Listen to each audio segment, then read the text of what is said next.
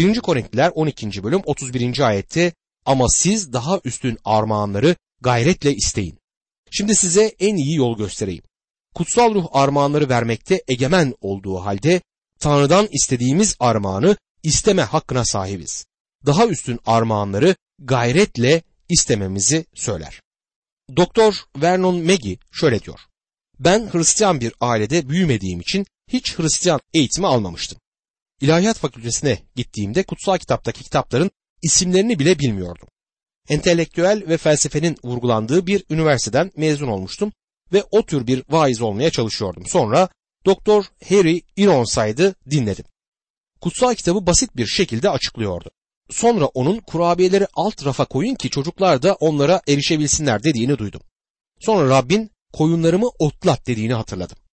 Zürafalarımı otlat dememişti. Bundan sonra Rab ben de onun gibi bir vaiz olmak istiyorum diye dua ettim.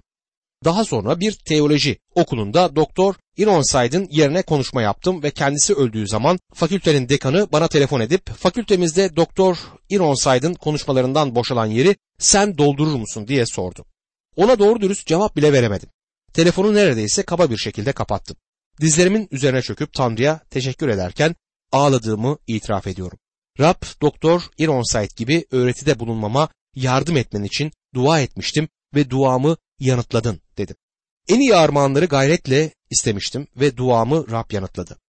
Ben Doktor Ironside'ın eline su dökemeyeceğim halde Tanrı sözünü öğretme deneyimi ve ayrıcalığı beni heyecanla titretiyor. Dostum Tanrı'dan en iyi armağanları isteme hakkına sahipsiniz. Birkaç kişi bu konuda bana yazıp kutsal ruhun vaftizini almanı gerçekten umut ediyorum demişlerdir. Şunu bilginize sunmak istiyorum ki kutsal ruhu aldım hem de o kurtulduktan sonra yaşadığım bir deneyim ya da aldığım bir şey olarak değildi. Kutsal ruh beni bu inanlılar bedenine koydu ki bu da kutsal ruhun vaftizidir. Bize verdiği armağan inanlılar topluluğuna yararlı olması içindir. Tanrı size hangi armağanı verirse versin. Armağanın amacı diğer inanlılara, bedenin diğer üyelerine hizmet etmek içindir. 1. Korintliler 13. bölümün temel konusu armağanların enerjisinin sevgi olduğudur. Bu bölüme haklı olarak kutsal kitabın sevgi bölümü adı verilmektedir. Bu bölüm hakkında çok kişi konuşmalar yapmaya çalıştı. Doğrusunu isterseniz ben bütün hizmetim boyunca bu konu hakkında bir ya da iki kez konuşma yaptım. Kutsal kitabı baştan sona kadar kapsayan bir program yaptığımda bu bölüme geldiğimde onu öğrettiğim halde gerçeği söylemek gerekirse bu benim anlayışım ve kapasitemin üzerinde olan bir bölümdür. Bu bölümde sevginin bir tanımı yapılmaktadır. Bazen tanımlar yıkıcıdırlar. Sevgiyi tanımlamaya çalışmak bu bölümü ciddi bir şekilde ihlal etmek anlamına gelmektedir. Bir gülü tanımlamaya çalışırken botaniğin size verdiği gül tanımını okuyabilirsiniz ama o tanım gülü sizin bildiğiniz şekilde resmetmez, açıklamaz. Ya da birisi size bir güneşin batışını tanımladı mı? Güneşin batışını ya da ayın çıkışını seyretmek harikadır. Her seyrettiğimde bu olaylardan etkilendim. Onu size tanımlayabilmeyi isterdim ama tanımlamak zordur. Bu bölüm bize bir tanım değil, sevginin ortaya konulmasını sunmaktadır. Yunanca'da bizim dilimize sevgi olarak çevrilen üç tane sözcük vardır. Bunlardan biri eros sözcüğüdür. Bu tutku, şehvet için kullanılan sözdür. Bu sözcük Afrodit ve Eros ya da diğer adlarıyla Venüs ve Cubit için kullanılmıştı. Günümüzde daha uygun bir sözcük seks olurdu. Bu sözcüğe İncil'de hiç rastlamayız. Sonra muhabbet anlamına gelen piheleo sözcüğü vardır ki bu kökü Philadelphia ve philanthropist sözcüklerinde buluruz. İnsanlara karşı sevgi, kardeş sevgisi anlamına gelmektedir. En yüksek, en asil biçimiyle insan sevgisi anlamına gelir. Sevgiye ilişkin kullanılan üçüncü sözcük ise agapedir. Agapao sözcüğü İncil'de sevgi için kullanılan en yüksek sözcüktür ve göksel, ilahi sevgi anlamına gelir. Duygulardaki sevgiden çok daha fazlasıdır bu. İradedeki sevgidir. Objesini seçen bir sevgidir. Tanrı'nın bir tanımıdır çünkü Tanrı İncil'de sevgi olarak tanımlanmaktadır. 1. Korintliler 13'ü şu bölümlere ayırmamız mümkündür. Sevginin üstünlüğü ve değeri 1 ila 3. ayetlerde konu edilirken 4 ila 7. ayetlerde sevginin ayrıcalığı ve erdemi konu edilir. Sevginin kalıcı zaferi ise 8 ila 13. ayetlerde konu edilir.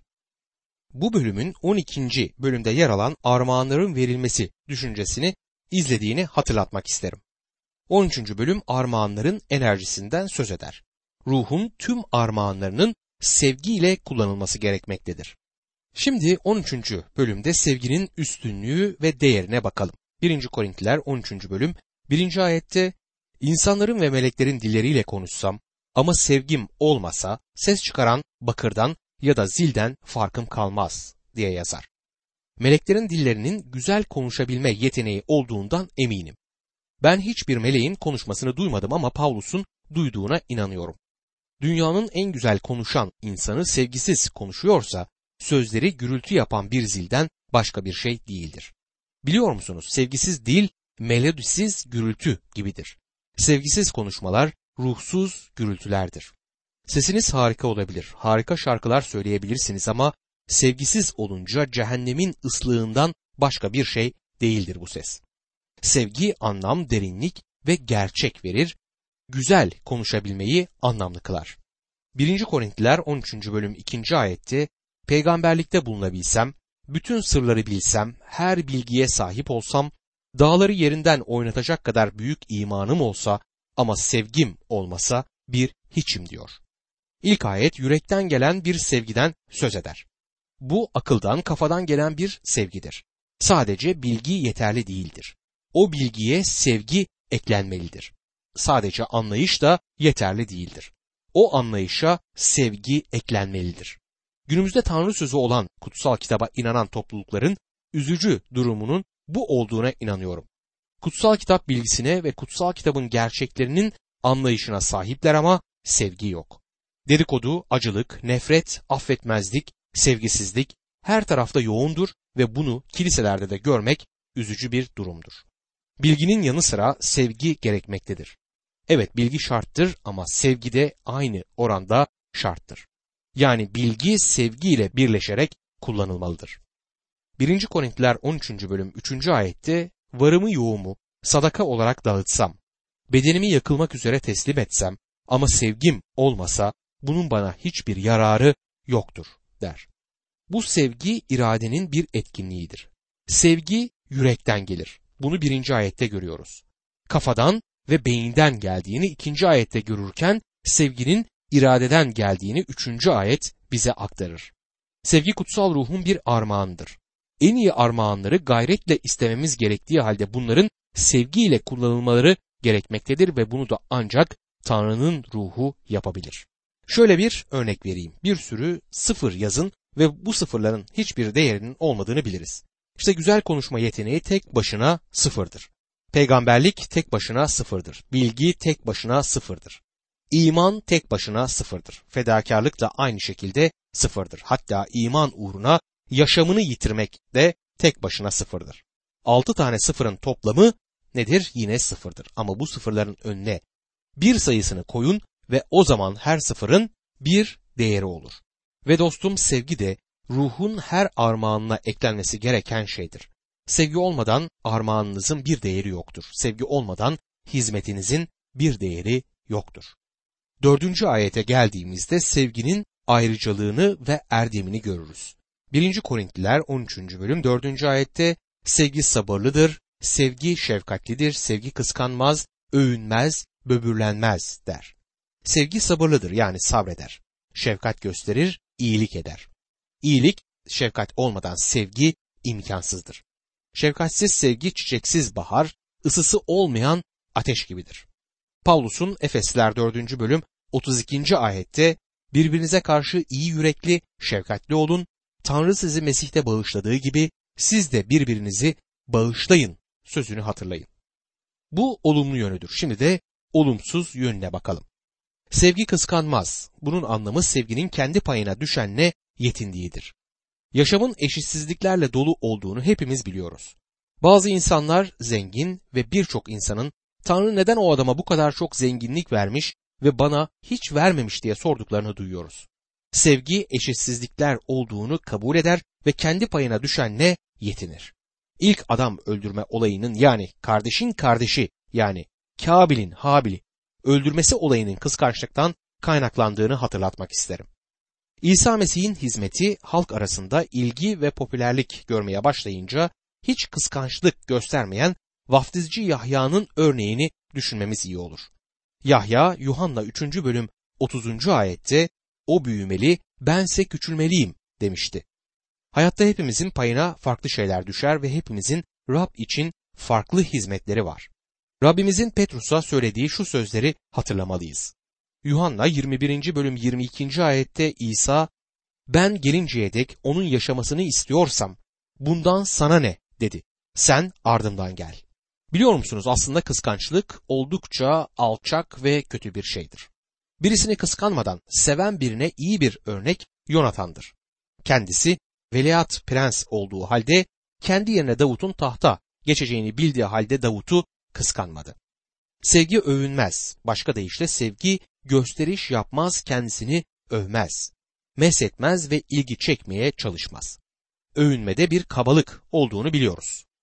Sevgi böbürlenmez. Tıpkı arabanız içi hava dolu bir lastiğin üzerinde giderken birdenbire lastiğin patlaması gibidir böbürlenmek. İnanlar arasında birçok patlak lastik var. Çünkü birçoğu fazla şişmiştir. Hava gittiğinde geride bir şey kalmaz. 1. Korintiler 13. bölüm 5. ayette sevgi kaba davranmaz, kendi çıkarını aramaz, kolay kolay öfkelenmez, kötülüğün hesabını tutmaz diyor. Sevgi kaba davranmaz yani tuhaf davranmaz. 1. Petrus'ta inanlara tuhaf insanlar denildiği doğrudur ama tuhaf davranmamaları gerekmektedir. Petrus'un sözünün asıl anlamı Türkçe çevresinde olduğu gibi seçilmiş bir halk olduklarıdır. Nazik olmamız gerekiyor, kaba olmamalıyız. Tuhaf insanlar gibi davranmamalı, kibar insanlar gibi olmalıyız. Ne yazık ki günümüzde adına çirkin din diyebileceğimiz çok şey dönmektedir. Ama sevgi kaba davranmaz. Sevgi kendi çıkarını aramaz. Sevgi yapılanların motivasyonunu araştırır. Yani bunu neden yapıyorum diye sorar. Her ne yapıyorsam bunu sevgiden dolayı mı yapıyorum diye kendime sormalıyım. Bu çok önemlidir. Hizmetin sırrı sevgili dostum sevgidir. Sevgi kolayca öfkelenmez, hemen köpürmez. Öfkelenmek erdemli insanların kötü yanıdır. Korkarım birçoğumuzun da bu yanı var. Sevgi kötülüğün hesabını tutmaz. Dedikoduyu seven insanların çok olduğunu görmek üzücüdür. Bunu bol bol yapan birçok Hristiyan vardır. Söyledikleri sözler ima ile doludur. 1. Korintliler 13. bölüm 6. ayette sevgi haksızlığa sevinmez, gerçek olanla sevinir diyor. Sevgi haksızlığa sevinmez ama gerçek olanla sevinir. Kalbinize sevinç getiren şeyler nedir? Kötü şeylerle mi, iyi şeylerle mi seviniyoruz? Düşmanınız olan ya da hoşlanmadığınız biri hakkında kötü bir şey duyduğunuzda seviniyor musunuz? Yoksa düşmanınızın acı çekmesi sizi üzüyor mu? 1. Korintiler 13. bölüm 7. ayette sevgi her şeye katlanır, her şeye inanır, her şeyi umut eder, her şeye dayanır diyor. Sevgi her zorluğa dayanır, katlanır sözünde koruma düşüncesi vardır. Diğerleri için bir şemsiyedir sevgi. Sevgi her şeye inanır. Bu sevginin akılsızca her şeye inandığı anlamına gelmez. Sevginin insanlara şüpheyle davranmadığı anlamına gelir. Sevgi doğru ve gerçek olan şeye inanır. Sevgi yalan dolana inanmaz, doğru olmayan bir şeye evet demez, buna izin vermez. Sevgi her şeyi umut eder. Sevgi sınanmalar boyunca güçlü kalır. Bütün bunlardan sevginin soyut bir isim olduğunu ama soyut kalmaması gerektiğini öğreniyoruz. Sevginin yaşama ve davranışlara yansıması gerekiyor. Kendini sabır ve şefkatle, kıskançlık olmadan ve övünmeden davranışlarla ortaya koyması gerekmektedir. Sevginin kalıcılığı ve zaferi 1. Korintiler 13. bölüm 8. ayetten itibaren konu edilmiştir. Şöyle yazar 8. ayette. Sevgi asla son bulmaz ama peygamberlikler ortadan kalkacak, diller sona erecek, bilgi ortadan kalkacaktır. Sevgi asla son bulmaz. Bu yüzden bu bölümün sonunda işte böyle kalıcı olan üç şey vardır. İman, umut ve sevgi der. Bunlardan en üstün olanı da sevgidir diyor. Sevgi son bulmaz kalıcıdır. Özellikle bizim şarkı türkülerimizin sözlerine biraz dikkat edin. Bir zaman seni sevmiştim. Bir zaman ve bir zamanlar. Size bir şey söyleyeyim mi? Bir zamanlar sevdiklerini hayal edenler hiçbir zaman sevmemişlerdir. Ve sevgi zaman ve mekanın sınırlarının ötesine bakar. Sevgi sonsuzluğu kucaklamaktadır. Sevgi ölümsüzdür. Hiçbir zaman yenilmemiştir, hiçbir zaman düş kırıklığına ve hüsrana uğramamıştır. Tutku olan sevgi bir saman yığınını aleve verir ve çok geçmeden yanıp kül olur. Günümüzde bu kadar çok boşanma olmasının nedeni işte budur. Boşanma olmayan bir sürü ailelerde bile korkunç derecede bozukluk yaşanmaktadır. Onların sevgileri başlangıçtan beri sahip oldukları iki yüreği birlikte tutacak türde bir sevgi değildir. Sevgi sonsuzdur, sevgi kalıcıdır. Tanrı'nın sevgisi işte bu tür bir sevgidir. Bu gerçekten çok harikadır. Tanrı'nın sevgisi zaman ve mekanın sınırlarının ötesine bakar ve sonsuzluğu kucaklar. Mesih sevmeyi hiçbir zaman bırakmadı. Mesih İsa'yı sevmekten alıkoyacak hiçbir şey yapamazsınız. Hiçbir günahkar bağışlanamaz bir günah işlememiştir. İman etmiyor olabilirsiniz ama Tanrı sizi yine de seviyor. Çok büyük bir günah işlemiş olabilirsiniz ama o sizi yine de seviyor. Dostum Tanrı'nın sizi sevmesini engelleyemezsiniz. Kendinizi yağmurdan korumak için bir şemsiye açabilirsiniz ama yağmurun yağmasını engelleyemezsiniz. Güneşin parlamasına engel olamazsınız. Güneşten kaçabilirsiniz. Güneşte bir şemsiye açabilirsiniz ama güneşin parlamasına engel olamazsınız. Nereye giderseniz gidin. Nereye kaçarsanız kaçın. Güneşin ısısı, ışını, enerjisinden, kısacası tüm yararlarından, bereketlerinden kaçamazsınız. Altında olduğunuz günah ya da imansızlık şemsiyesine karşı Tanrı'nın sizi sevmesini engelleyemezsiniz. Bazen anne babaların çocuklarına yaramazlık yapma, Tanrı sizi sevmez demeleri yanlıştır. Tanrı sever. Hem de hiç bıkmadan, usanmadan Tanrı sevmektedir. Her şeye rağmen Tanrı sever. Tanrı'nın bizi sevdiğini bilmek harikadır. Peygamberlikler ortadan kalkacak yani gerçekleşeceklerdir. Peygamberlik olmaktan çıkıp tarih olacaklar. Diller sona erecek, bilgi ortadan kalkacak. Örneğin okul dönemlerinde öğrendiğimiz bilgiler artık çoktan demode oldu. Günümüzdeki bilimin yerini de yarının bilimi alacaktır. Bilgi artmaktadır ve zamanla ortadan kalkacaktır. 1. Korintiler 13. bölüm 9 ve 10. ayetlerde çünkü bilgimiz de peygamberliğimiz de sınırlıdır. Ne var ki yetkin olan geldiğinde sınırlı olan ortadan kalkacaktır der. Burada yetkin olanın Tanrı sözünün tamamlanması olduğunu düşünmekteyim. Kutsal kitabın son kesimi vahiy yazıldıktan sonra Tanrı sözü tamamlandı ve yetkinliğe erişti. Profesör Jensen'in dediği gibi Tanrı sözü tamamlandı. Bu nedenle de artık yeni bir vahye gereksinimiz yoktur. Tanrı'nın vahyettiği kutsal kitap tam, eksiksiz ve yetkindir. Tanrı insanlara söyleyeceği her şeyi söyledi. Eğer Tanrı'yı duymak istiyorsak yeni bir peygamberliğe ihtiyacımız yoktur. Tanrı konuştu ve kutsal söz tamamlandı. Tanrı sözü değişmez ve şu anda da Tanrı sözü hamdolsun elimizdedir. Elçi Paulus şöyle devam ediyor. 1. Korintliler 13. bölüm 11 ve 12. ayetlerde. Çocukken çocuk gibi konuşur, çocuk gibi anlar, çocuk gibi düşünürdüm. Yetişkin biri olunca çocukça davranışları bıraktım. Şimdi her şeyi aynadaki silik görüntü gibi görüyoruz. Ama o zaman yüz yüze göreceğiz. Şimdi bilgim sınırlıdır ama o zaman bilindiğim gibi tam bileceğim. Birçok insan cennete gittiğimde sevdiklerimi tanıyacak mıyım diye sorar. Tabii ki tanıyacaklardır. Buna kutsal kitaptan bir kanıt vermek mümkün mü? Bu ayet buna bir kanıttır. Şimdi kısıtlı olarak biliyorum ya da aynada silik bir görüntü gibi görüyoruz ama Tanrı'nın beni tam olarak bildiği gibi o zaman ben de tam olarak bileceğim. Siz beni hiç görmediniz. Beni gördüğünüzü düşünebilirsiniz ama gördüğünüz giysilerden çıkan bir baş ve iki eldi. Beni gerçekten görmediniz. Ben de sizi gerçekten hiç görmedim. Çünkü şimdi sadece aynada silik bir görüntü gibi görüyoruz ama o zaman yüz yüze göreceğiz. Şimdi kısmen biliyorum ama o zaman bilindiğim gibi tam bileceğim. Birisi Champel Morgan'a sizce cennette sevdiklerimizi tanıyacak mıyız diye sormuş. Doktor Morgan ise şu yanıtı vermiş. Cennette burada olduğumdan daha akılsız biri olmayı beklemiyorum ve burada da sevdiklerimi tanıyorum. 1. Korintliler 13. bölüm 13. ayette işte kalıcı olan üç şey vardır. İman, umut, sevgi. Bunların en üstünü de sevgidir diyor. İmanımızın hedefi yerine gelmiş olacak. Tüm umutlarımız gerçekleşecek. Artık umut edecek bir şey kalmayacak. Bu yüzden umut yok olacak. İman için bir gerek kalmayacak. Ancak sevgi kalacaktır. Bunların en büyüğü sevgidir. İman, umut ve sevgi. Bunlar genelde çok söylenen, çok anlatılan sözlerdir.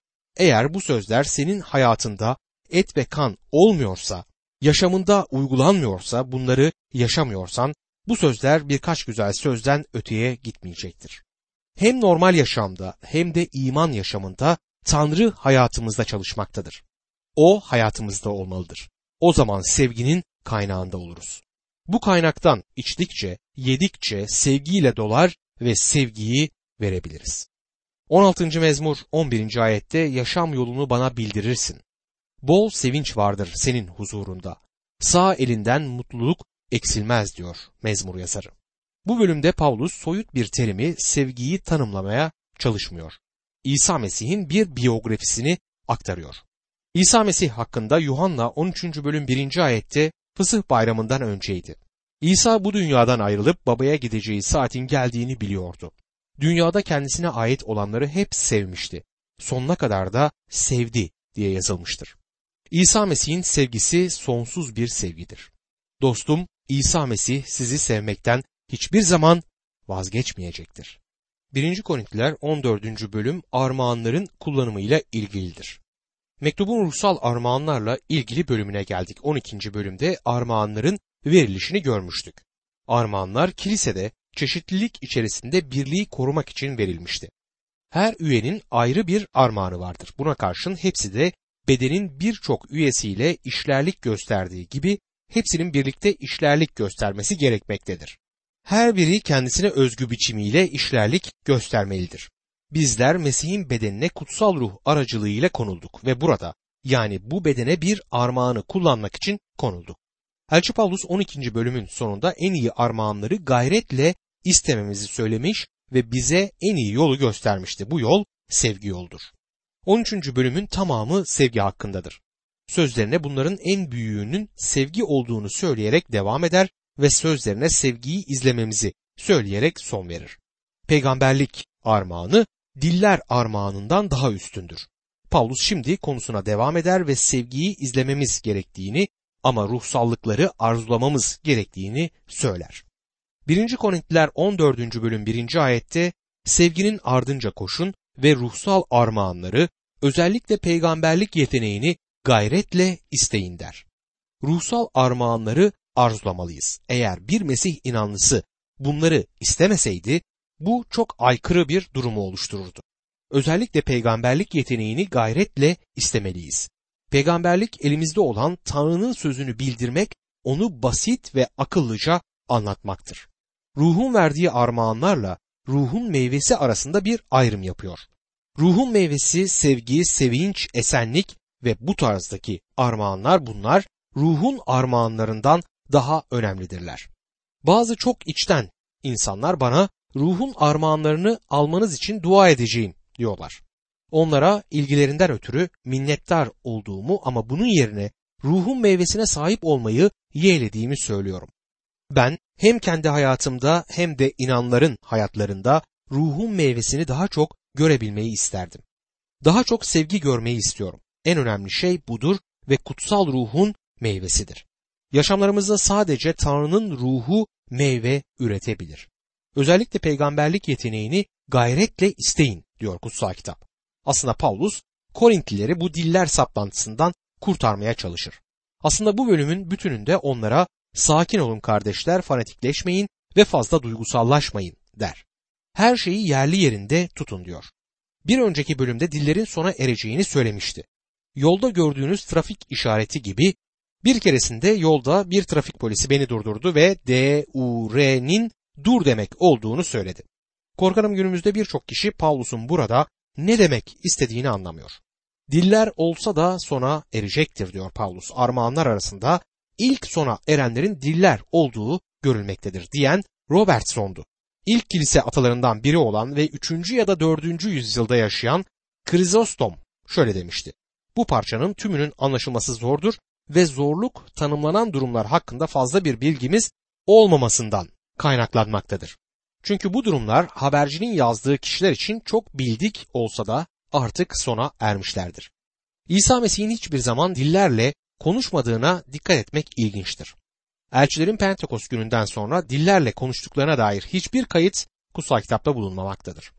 Paulus 18. ayette bilmediğim dillerde hepinizden çok konuştuğum için Tanrı'ya şükrediyorum dediği için onun başka dillerde konuştuğunu bildiğimiz halde Paulus'un dillerle konuştuğuna ilişkin ya da başka bir dilde yaptığı herhangi bir konuşması olduğu hakkında elimizde hiçbir tarihsel belge bulunmamaktadır.